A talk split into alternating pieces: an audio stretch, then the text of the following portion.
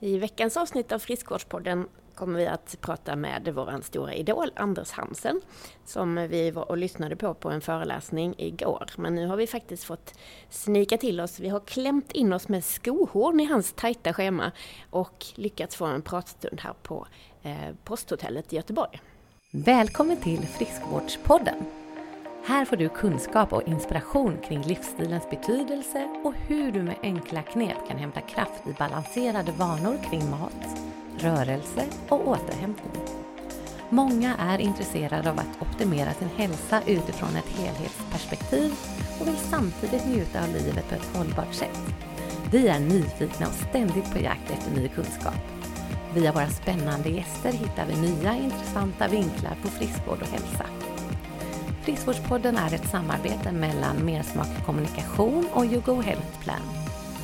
Mersmak Kommunikation kan du anlita när ni behöver föreläsning eller workshop med spetskompetens inom mat och hälsa för en helhetssyn på den fysiska och mentala prestationen. Du kan läsa mer på mersmakkommunikation.se. YouGo Health Plan hjälper företag att bli mer lönsamma genom att satsa på medarbetarnas hälsa. Syftet är att fånga upp riskgrupper och arbeta proaktivt för att öka medarbetarnas livskvalitet, minska sjuktalen och skapa en attraktiv arbetsplats. Du kan läsa mer på yougohealthplan.com. Har du något tips på någon du tycker ska medverka i våran podd? Skicka ett mejl på hej yougohealthplan.com. Nu till veckans avsnitt.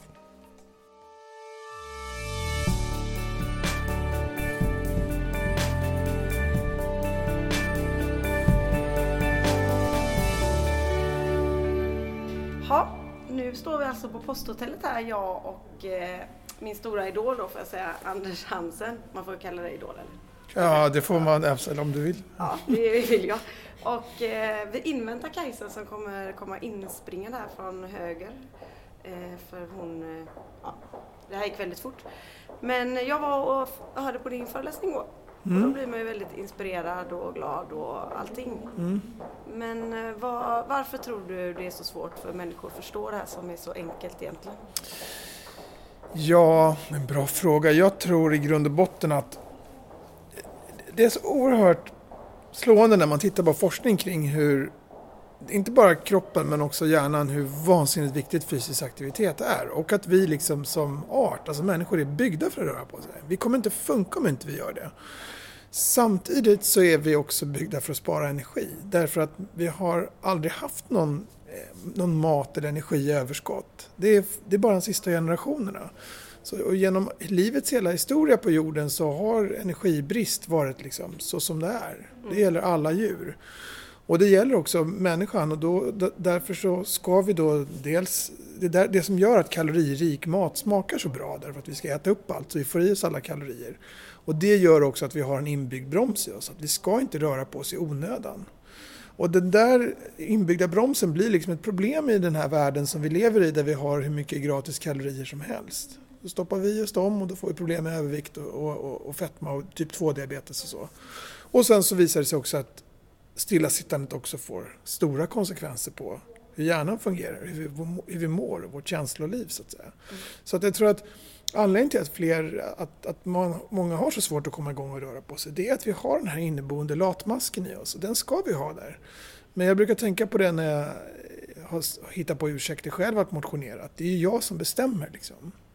Jag har de här, jag är byggd på det här sättet därför att det här, så här är människor byggda. Men det är i slutändan jag som bestämmer. Men det är ibland svårt också för att eh, allt som är runt oss som byggs nya grejer så här. Eh, man, snart behöver man knappt resa sig för att Nej.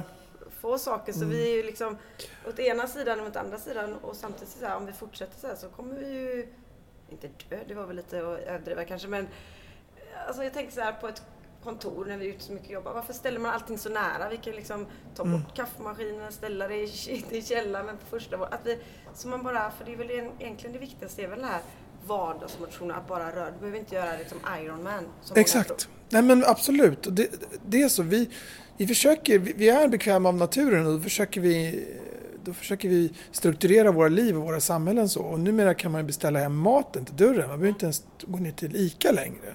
Och allt det där är superbekvämt. Men det visar sig att vi förlorar något på vägen.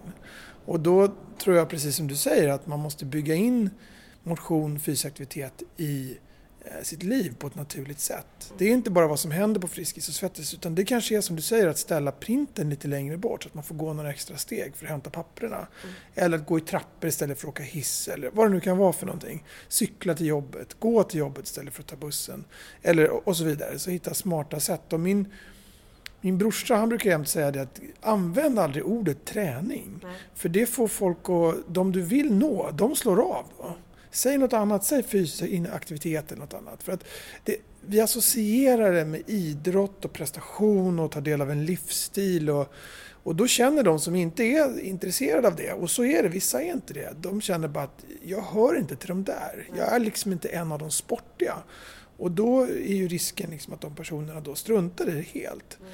Och då, då så kommer de ja, dels att må sämre än de skulle kunna göra men också fungera sämre tankemässigt och sen också naturligtvis riskera sjukdomar i förlängningen. Vi, eh, vi kallar det rörelsemotion när vi är ute på arbetsplatser, man mer, ja, för att förenkla det. Men jag tänker också när man träffar vissa som är högpresterande på jobbet, de är ju väldigt så här högpresterande, ja, de har varit på Hawaii, de ska till mm. Dubai och allting. Så då blir det att de cheferna liksom ser ner lite, tror jag, på de som inte gör någonting istället för att jag tror att det är viktigt att de börjar tänka om, att de kanske inte tar på sig värsta tightsmunderingen. Att de byter om lite innan. Och det är ju inte fel att åka till Hawaii och springa heller, men det blir att det blir liksom ett motstånd. Så de, jag vet inte hur man ska få den här... För man vill ju att de som inte gör någonting, att bara börja göra... Exakt. Pyttelite egentligen. Exakt. Och då vet man, när man väl börjar med det så kommer de förstå hur jävla gött det. Liksom. Ja, så, exakt. Så, så det är det som är så paradoxalt, att vi har en megahälsotrend nu där biljetterna säljer slut till långlopp och till flera tusen personer är med i Ironman. Och det var ju en, en, liksom en prövning som var otänkbar för 20 år sedan. Och nu gör tusentals personer den bara i Sverige. Mm. Och så, att, så att det finns en, en, växande grupp som motionerar extremt mycket. Och det är toppen, det är bra för dem, absolut. Men problemet är att de som inte motionerar, för dem blir liksom barriären då att sätta igång enorm. För då känner de att jag är ju ingen maratonlöpare. Mm. Och då vill de inte sätta igång. Så, så att, um, därför så tror jag precis som du säger att tona ner den dimensionen i det. Liksom. det ju, alltså jag får ju ändå, man får, varför man själv, men så tänker jag så här ibland. Jag är ju bra på trä, alltså även jag kan sitta i soffan och bara, och då måste jag få in det här i huvudet. Just det, så här känner jag när jag åker hem från träningen, att mm. man får det in den. Men sen finns det ju andra grejer så här, eh, för vissa har ju mat blivit en religion, de bara är helt inne i det och det kanske inte jag förstår, men herregud om du eh, tränar lite så kan du äta lite. Alltså, den behöver du inte proppa i dig Estrella chips hela dagarna, men du kan ju... Ja, jag tror också det. Ja, ja absolut. Här, att, att de, folk går liksom all in i vissa grejer så det blir liksom negativt. Eller ja, absolut. Och en del är så pass tävlingsinriktade så de kan liksom inte eh, göra någonting utan att det blir väldigt mycket då. Och säger man då att men nu ska jag gå till, börja röra på mig mer och sen satsar man på att man ska springa maran om sex månader. Då, är det liksom, då kräver det enormt mycket och då är risken att man håller på några månader och sen slutar man. Och det kommer inte att vara Eh, det, det, är ju liksom ingen långvar, långvar lösning utan man behöver hitta sätt att förändra sitt liv som är kontinuerliga som man kan hålla fast vid under längre perioder. Då. Så, så det är det jag menar med att börja försiktigt och trappa upp och hitta sätt att bygga in det i livet. Vill man tävla, absolut gör det men, men det är ändå, även om man inte vill det så behöver man det här ändå. Liksom. Jag tänkte på en grej som du sa igår som var väldigt intressant eftersom jag kommer från krogvärlden då så kommer jag så väl ihåg när jag jobbade på LIP och det var så här, man ska inte få röka längre på restaurang. Mm. Hur vi bara, nej, vi kommer inte ha några jobb. Det kommer inte komma en människa här. Och det var mm. väldigt så här, ja men nu kan vi skratta åt det. Men vi var, trodde ju på riktigt att eh, folk inte skulle komma först. Ja, det var ju, ja, man rökte ju mm. extremt mycket på krogen. Men eh, då tänker jag så här, jag hoppas ju att om tio år så skrattar vi att inte det är obligatoriskt att träna en eller två timmar varje vecka på arbetet eller att man gör någonting. Ja. För det borde ju komma någonting där att det, en del säger så om vi försöker gå och byta om. Men då tittar ju chefen lite snett på en och bara, ska du ha, ha mm, mm, mm, mm, så här. Men att det kanske ändå kommer in där på något vänster. Och då ja. menar jag fortfarande inte, eh, alltså men bara att man, det är okej att man går ut och går. Jag vet inte riktigt. Nej men absolut. Jag, jag tror att du, du, du, har helt rätt i det. Att, att äh, ska, men, men om man tar frågan, ska man få träna på arbetstid? Det är ju intressant. Då. Om, man, om man tänker sig att man får bättre koncentration och minne och minskad sjukfrånvaro och sådär, vilket, är, vilket man får om man rör på sig. Skulle alla få motionera en timme i veckan på arbetstid? Ja, det skulle, nog vara, det skulle nog gå att räkna hem rent ekonomiskt för företag, för folk skulle bli mer produktiva och minskad sjukfrånvaro och så. Problemet är att den typen av satsningar, de får ofta till följd att de som redan motionerar innan, de börjar göra på arbetstid. Mm. Medan de som inte gör någonting, de struntar i att vara med. Mm. Så tricket ur både produktivitetsperspektiv för företag men också folkhälsa, det är liksom att inte att få maratonklubben att springa mer eller springa på arbetstid. Nej. Utan att få de som inte gör någonting att göra lite. Ja. Väldigt lite liksom. Ja, men lite så. Men jag tänker att om man gör det på arbetstid så kanske det är ja, men man kanske får någon lön. Alltså det skulle vara så små grejer att man kanske får någon extra, jag vet inte. Jag försöker bara hitta på någonting för att tänka så här, om de gör det då blir de piggare, de orkar mer, de levererar bättre. Du får svar på dina offertförfrågningar. Nu får mm. vi knappt svar på dem för att de är så himla stressade så de inte... Nej. Men om det går ut och går jag vet inte. Men ta, jag, var, jag var på Spotifys huvudkontor eh, i Stockholm och de har eh, i eh, i vissa mötesrum så har de löpband så man kan ta promenadmöten när det regnar. Och det tycker jag är fantastiskt. Ja, det är och, det, och det, alla gör inte det, alla mötesrum. För det vill inte alla, men en del vill det och de märker att de funkar bättre. Liksom. Mm. Så att det, den typen av eh, initiativ tycker jag är toppen. Mm. För jag tänker också på barn, varför jag har ett eh, nioåring som är fruktansvärt aktiv. Mm. Så nu har jag satt gummiband mellan hans fötter på stolen så han kan sitta och hoppa på det gummibandet. Och fröken tycker faktiskt det är bättre, för då är jag åtminstone tyst. Men mm. att det kan ju också vara att man, tänk om man hade cyklar i klassrummen och nu kom Kajsa också. Hej! Tjena! Hej! det här var ju som jag sa, är väldigt spontant. Väldigt spontant. Ganska likt oss. Ja, det är så vi jobbar. Mm. Eh, ja men nu för att eh, Kajsa är ju dietist och mycket mer planerande än vad jag är så hon har ju också skrivit en halv avhandling igår när hon lyssnade på dig.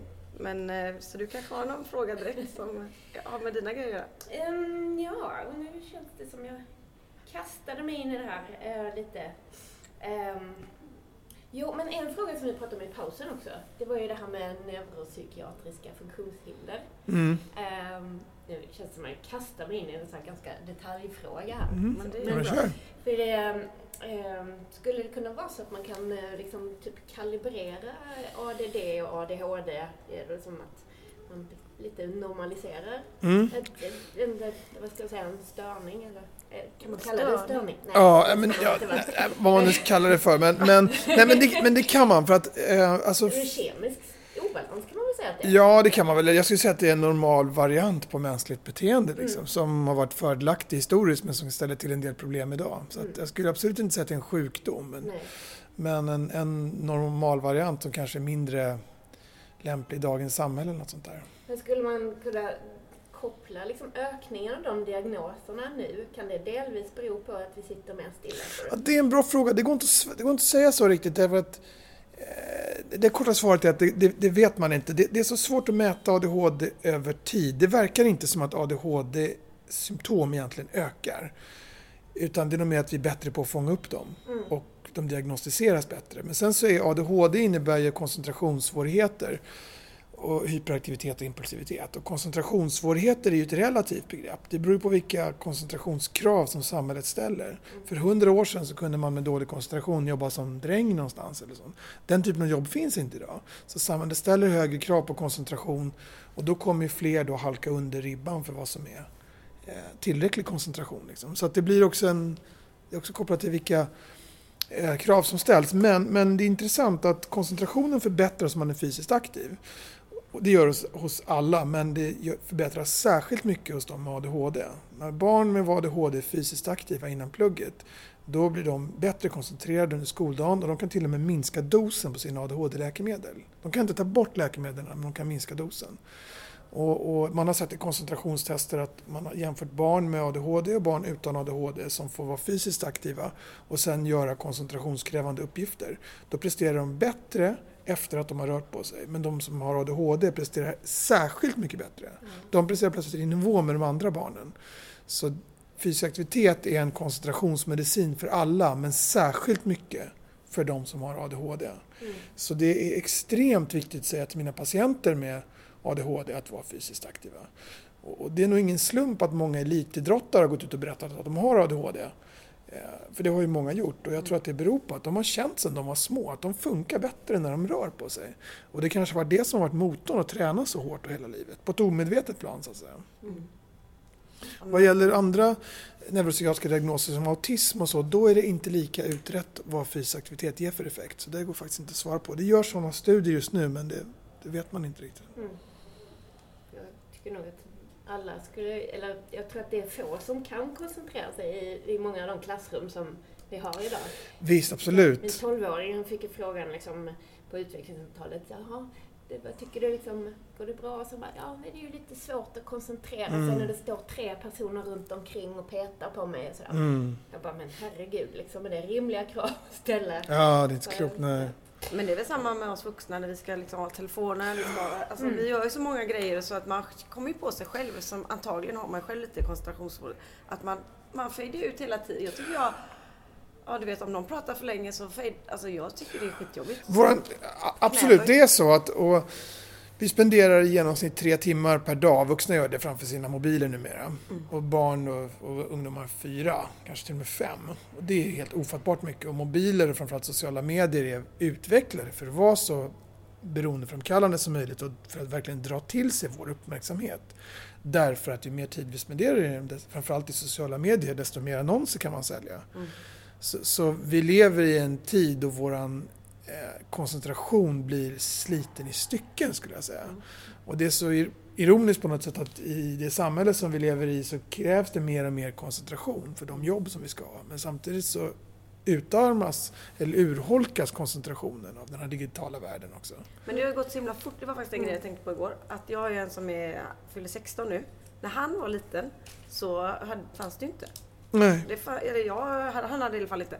Så då kommer jag så väl ihåg att det, är några som säger, det var så gulligt med dig och Olle för då hade inte de andra barn. Så då fick jag sitta och leka med lego och jag satt mm. ofta på golvet när det var middagar. Så satt ju alla runt bordet, vuxna. Och så satt jag på golvet och lekte med honom. Men nu ger man en fyraåring en mobil och går mm. iväg nu. Och då tänkte jag så här, vi är så dumma i huvudet. För jag kommer verkligen ihåg våra stunder. Men jag har ju också en som är nio, alltså sex år yngre.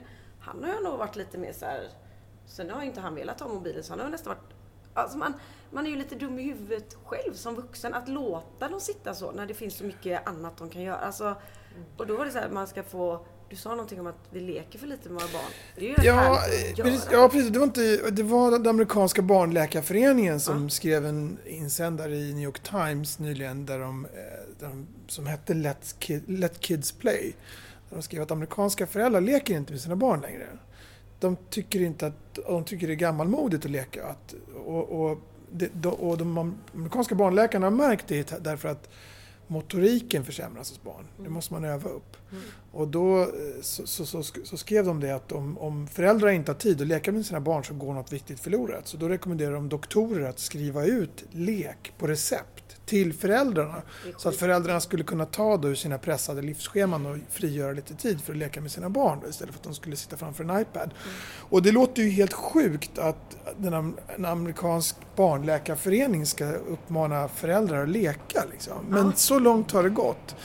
Um, så, att, så, så jag tror också att något behöver hända. Liksom. Och, och att mobiler och paddor är så enormt beroendeframkallande för barn, det är inte konstigt för de har verkligen utvecklats för att vara det. Mm. Så jag förstår lockelsen när man har en stökig 4-5-åring att ger du paddan då blir det tyst och mm. lugnt. Så är det. Det blir det på en, två sekunder. Liksom. Mm. Och det är naturligtvis enormt hårt då att kunna liksom begränsa tiden för det och, och sådär. Det kräver ju mycket från föräldrar. Mm. Det är väl lite sådär allmänt att man gör grejer som är så här, nu, nu blir det liksom barnet blir tyst och lugnt och ja, det, man behöver inte och det är säkert med all, Det är säkert all välmening. Det är inte det. Det är nog också, det är inte bara lättja utan jag tror också att det är välmening. Liksom. Man ser mm. att de är koncentrerade och, och, digitaliseringen är bra. Det finns bra digitala verktyg för unga som innebär att de kan lära sig saker och så. Det är inte bara det att allt är negativt. Men att spendera 4-5 timmar per dag framför det och inte leka eller sådär, mm. då går något förlorat. Alltså. Ja, men man märker ju lite det när eh, i alla fall Nalle då, när han är för mycket med sin telefon så blir han ju ännu jobbigare när han lägger undan den. Så ja. jag försöker liksom eh, markera det. Ja, men nu får du en stund för sen måste du ut och spela fotboll. Och för att annars så blir det ju kaos. Det blir en form av abstinens. Ja. Mm. Det var det faktiskt. Ja. Men det, det här med beroende, det är väl liksom... Är det farligt då? Alltså beroende är ju inte bra såklart. Nej. Men vad, skadar det oss på längre sikt då? Det är ju 10 000 kronors frågan. Det man vet är... Eh, du, menar digitaliseringen? Alltså. Nej, men alltså mer det här med att man eh, man är lite sådär, oj jag måste kolla om det har kommit något. Jag måste, Mm. Man är lite såhär, man söker, vad ska jag säga, eh, man söker likes. Du kollar hur många likes du får. Nej, inte likes direkt så, men man är lite såhär, man vill inte missa något. Det, finns ju till och med en, Mm. en sån akronym för det. FOMO, va? Fear of missing out. Ja. Jo, men- Men fyra timmar, är det sammanlagt? Nu avbryter dig. Ja. Men alltså, för jag, jag tycker ju nästan det är ett större problem att man är där så ofta. Man Mm. så bara, ja men shit, det står att jag kollade mejlen för sju minuter sedan. Det är, det är inte normalt liksom. Nej, det, men det är normalt numera för att vart, i snitt så tar vi upp dem var tionde minut, mobilerna. I genomsnitt så gör vuxna det. Och det var några år sedan den undersökningen, så det är nog ännu oftare nu. Så jag tror var, var kanske var sjunde, åttonde minut är normalt. Då är det normalt. Ja, exakt. Men, nej, men det, det man vet väldigt väl är att det påverkar vår koncentration och vårt minne. Det gör det, och, och det gör också mer, oss mer ointresserade av vår omgivning. När man har låtit studenter göra tester för koncentration och minne så får hälften ha med sig mobilen in och göra testerna och den andra halvan lämnar mobilen utanför. Då presterar de som har lämnat mobilen utanför bättre. Trots att de inte tar upp den. Den ligger bara i fickan. Och det är det att den tar av vår mentala bandbredd. För vi måste hela tiden bromsa impulsen att plocka upp den. Vi måste tänka, nu ska jag inte ta upp den, nu ska jag inte ta upp den, nu ska jag inte ta upp den. Och då knaprar det lite av vår mentala bandbredd. Och det kanske inte spelar så roll om man inte gör något viktigt, men om man ska göra koncentrationskrävande uppgifter, då spelar det roll. Så då tror jag vi behöver lämna mobilen utanför. Eh, man vet också att när man har låtit folk sitta och prata med en främling i tio minuter. Man lät stora grupper para sig ihop två och två och så fick de prata om ett ämne i tio minuter. Och så fick hälften ha en mobil liggande på bordet. Den låg där bara, de fick inte ta upp den. Och den andra halvan hade ett anteckningsblock som låg på bordet. Och så, så frågade man hur intressanta tyckte ni de här samtalen var?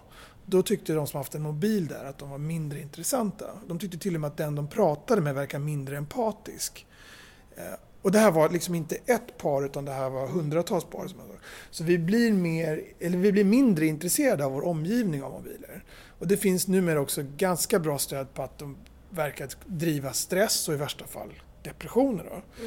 Eh, Även om sånt är svårt att, att, mäta över tid. Men den psykiska ohälsan verkar ha ökat. Det är många, många mer som söker nu än tidigare. Eh, Och det har gått hand i hand med digitaliseringen.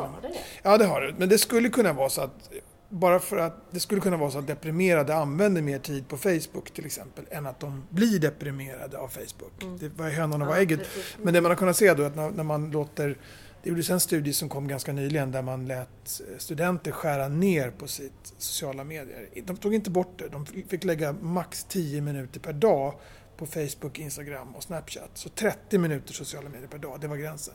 Och då såg man att då, förs- då, då mådde de bättre efter ett par veckor. Och de som var deprimerade var mindre deprimerade. Så det verkar allt mer tyder på att vi också blir deprimerade och mår sämre av för mycket digitalisering. Och det betyder inte att man ska stänga av telefonen, eller så, men man ska nog vara lite disciplinerad med det om man vill eh, kunna fungera så bra som möjligt. Och sen har man också sett väldigt bra stöd för att överdrivet mobilanvändande sent på kvällen försämrar sömnen. Ja, men det har man ju hört ju... Och så, så är det verkligen. Och, och, och då är det numera så att var tredje vuxen tar upp sin mobil minst en gång per natten. Vaknar på natten för att titta på mobil. Och hälften av alla ungdomar gör det. Men det måste Och ju det- vara en slags abstinens då. Och det är ju eller? det, ja precis. Ja det är det ju liksom. Det är ju mobilen serverar oss med så mycket dopaminbelöningar. Så att, så att, och hjärnan är utvecklad för att söka sig till sånt som ger oss dopamin. Det har hjälpt oss att överleva. Och precis de här systemen hackar mobiler, framförallt sociala medier, rakt in i. De är skräddarsydda. Och de har haft både hjärnforskare och beteendevetare anställda för att göra dem så maximalt beroendeframkallande som möjligt. För att man ska kunna sälja så mycket annonser som möjligt. Då. För att vi ska lägga så mycket tid på dem som möjligt så att man ska kunna sälja annonser. Och de har varit enormt framgångsrika på det. Facebook är ju nästan värt lika mycket som, som hela Sveriges BNP. Och det gick ju från att vara ett studentrumsprojekt då till att vara det på, på 12 år. Liksom. Så, så, så att de har, i- och med att de vann så att säga, slaget om vår uppmärksamhet så fanns det liksom en vidöppen kassakista. Så, och jag säger inte att folk ska stänga av de här grejerna helt och hållet men jag tror bara att man ska vara lite disciplinerad kring det och förstå att det följer en kostnad av att spendera så mycket tid på sociala medier och, och med mobilen. Dels eh, för att, att de tar vår uppmärksamhet men också för att de tar tid från annat. Att vi blir mer stillasittande, att vi sover sämre och det påverkar oss också negativt såklart. Då. Mm. Jag tycker man tänker på det ofta när man åker buss eller tunnelbana och så. Det är ju ingen som sitter och liksom söker ögonkontakt. Nej, det är inte. Nej. Utan alla sitter liksom i sin lilla bubbla. Och Ja. Man har ingen interaktion med, med människor liksom, på samma sätt som man har haft förr.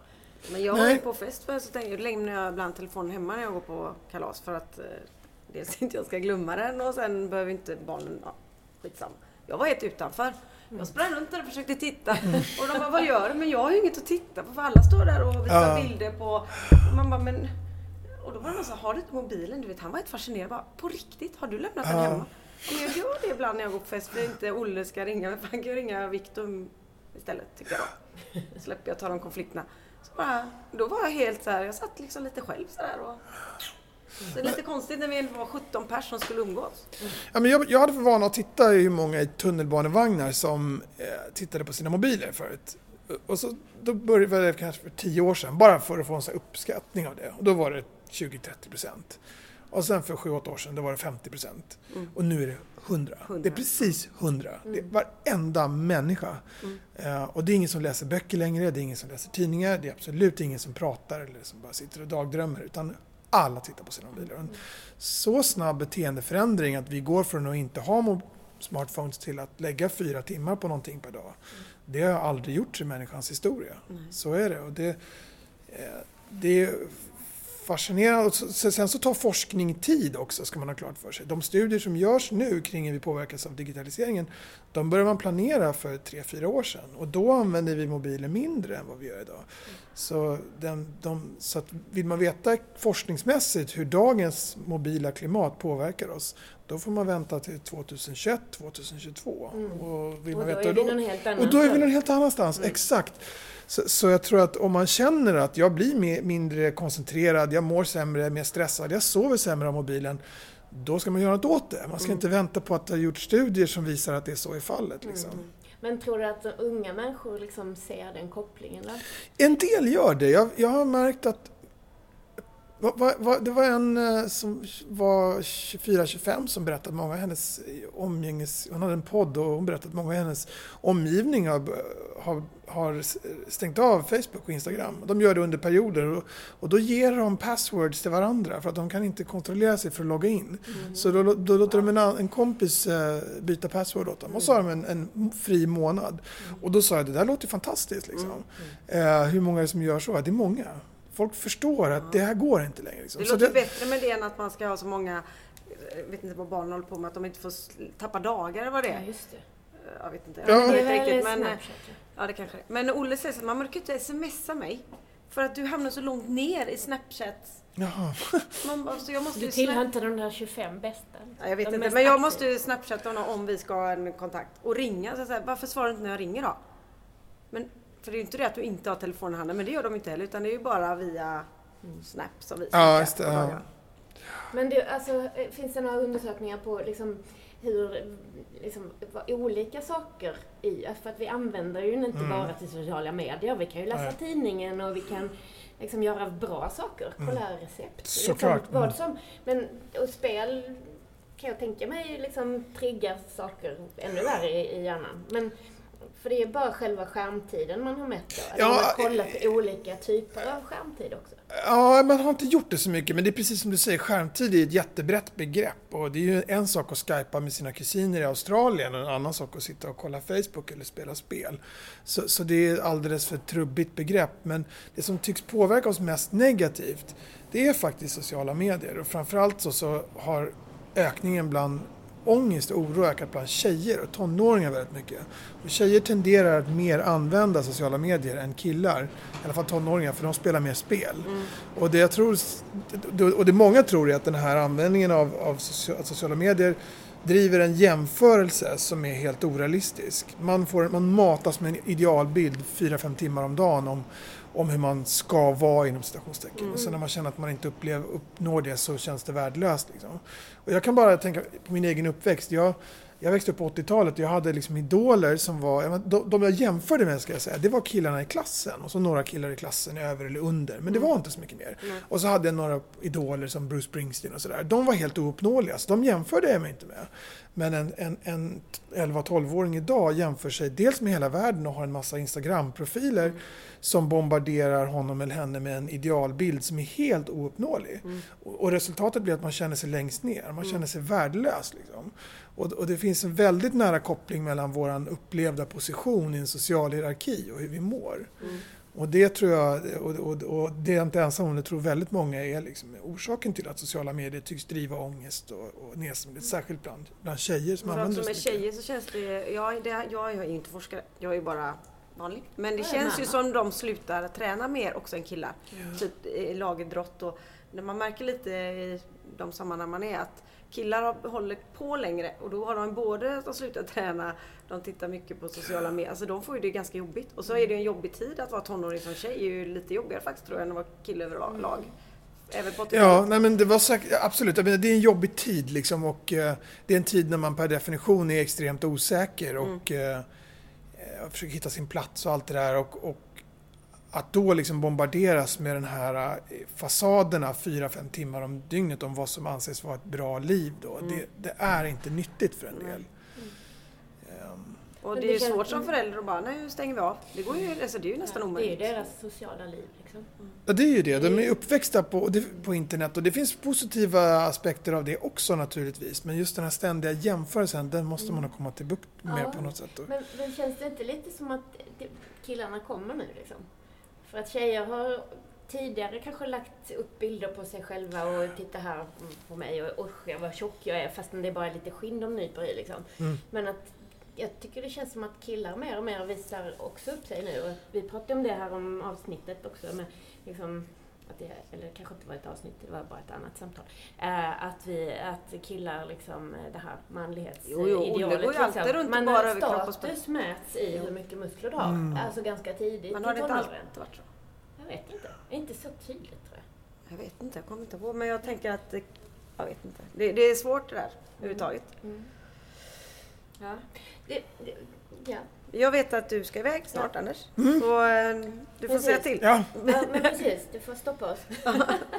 men nej, vi, eh, du pratade ju igår lite om det här med liksom eh, man hade jämfört någon promenadgrupp och någon yoga stretchinggrupp. stretchinggrupper, ja Mm. exakt. Ja. Ehm, och ser då inte någon effekt på hjärnan när man bara stretchar och rörlighet. Men när man promenerar blir det bättre. Men räcker det med promenad då?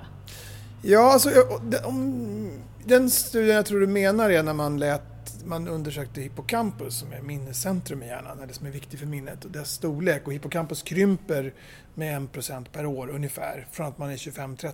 Sen börjar den krympa. Och det gör att minnet blir sämre. Och då lottade man eh, individer till att antingen promenera tre gånger i veckan, 45 minuter per gång, eller att stretcha och ta det liksom lugna övningar i 30 i 45 minuter per gång, tre gånger i veckan. Och så mätte man hippocampus storlek och så gjorde man om det efter ett år. Då. Så en grupp hade gått under året och en grupp hade haft stretchövningar. Och då såg man att stretchgruppen hade 1,4, att där hade hippocampus krympt med 1,4 procent. Och hos promenadgruppen så hade hippocampus växt till med 2 procent. Så, så, och det betyder att hjärnans åldrande bromsas av fysisk aktivitet, kort och gott. Det är ett väldigt tydligt tecken. Men är inte det ett Och- bra argument Jo, det för att jag. eh, börja promenera? Jag Så- tycker det. Jag blir-. Men, men växer den mer om man, om man springer? Det vet man faktiskt inte. Det har inte gjorts några studier ännu.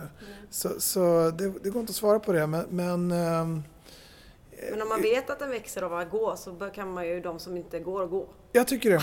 ja, men det och, och det var inte bara det att, den, att hippocampus växte till, för det kanske folk inte bryr sig om. Eh, eh, för det är bara något som forskare är intresserade av. Men det de, man kunde se då var att de också fick bättre minne under Ja. året. Det, det är det som är relevant, att minnet förbättras av fysisk aktivitet. Och det är väldigt... Hade det varit en tablett som hade kunnat ge de här effekterna, då hade alla känt till det. Mm. Det hade varit världens mest sålda läkemedel. Och det hade varit ett varumärke alla hade känt. Och nu var det liksom motion och ah, då bagatelliseras det lite Ja. styvmoderligt. Så, så, men, men, men man har kunnat se av många andra studier att promenader är oerhört bra men det är ännu bättre om man får upp pulsen. Det Mm. går inte att komma runt det. Så att pulsstegring är bättre. Men om man av någon anledning inte kan få upp pulsen eller vill så kommer man väldigt långt med promenader. Så tror jag man ska säga.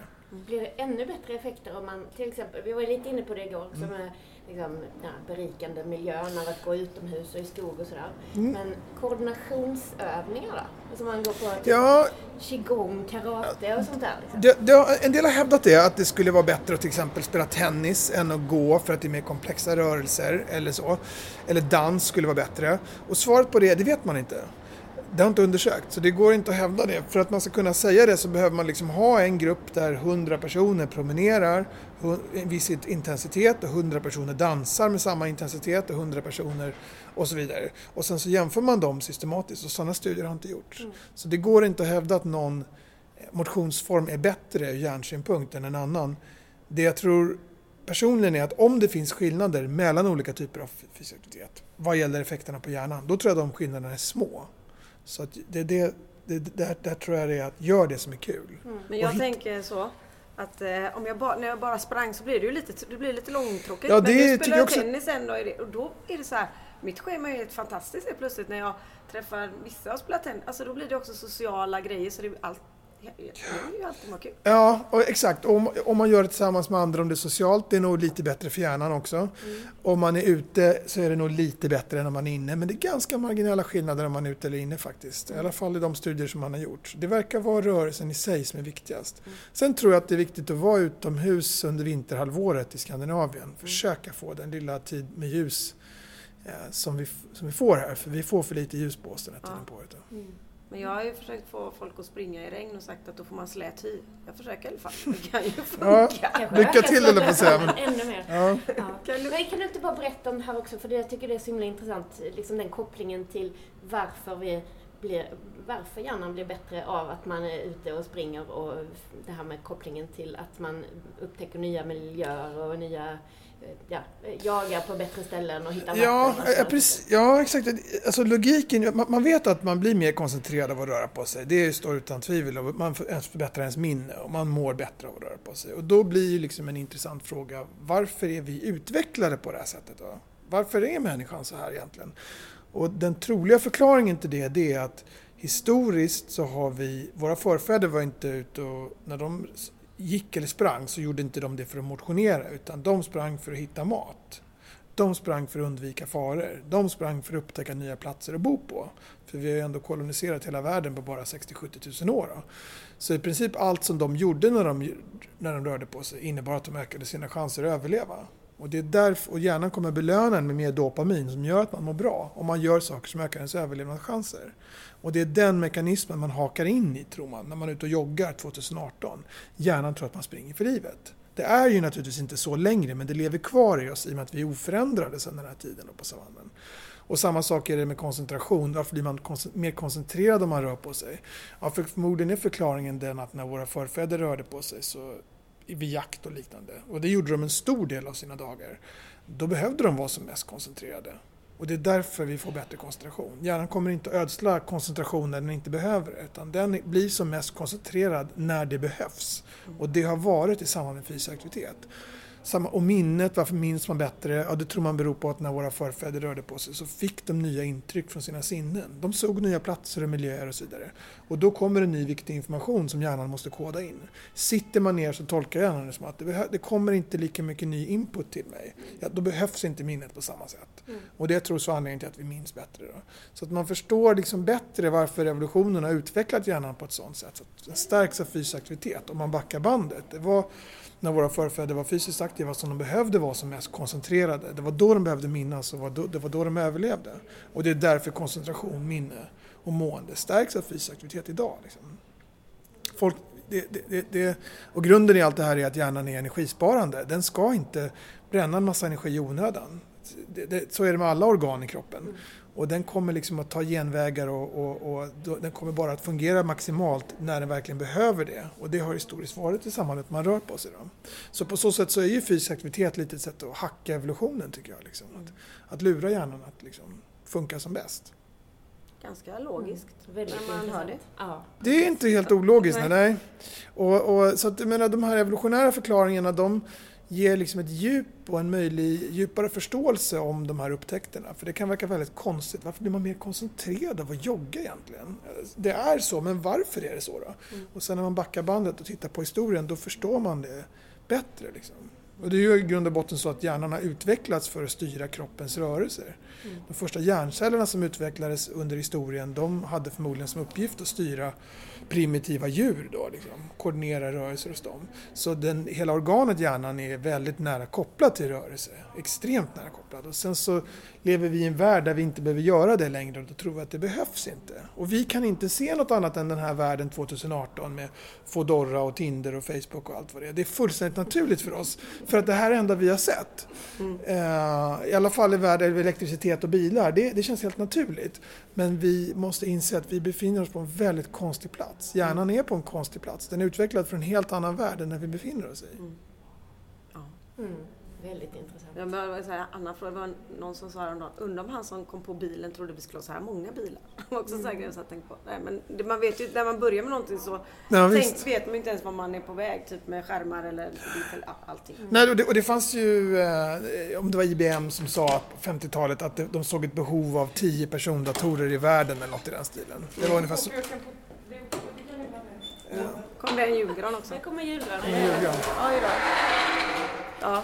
Uh, mm. Nej, för jag tycker det är så himla häftigt. Du sa ju igår också att du var världens sämsta människa på motivation. På att motivera folk. Ja, jag tror det. Ja. Nej, men det tror inte jag.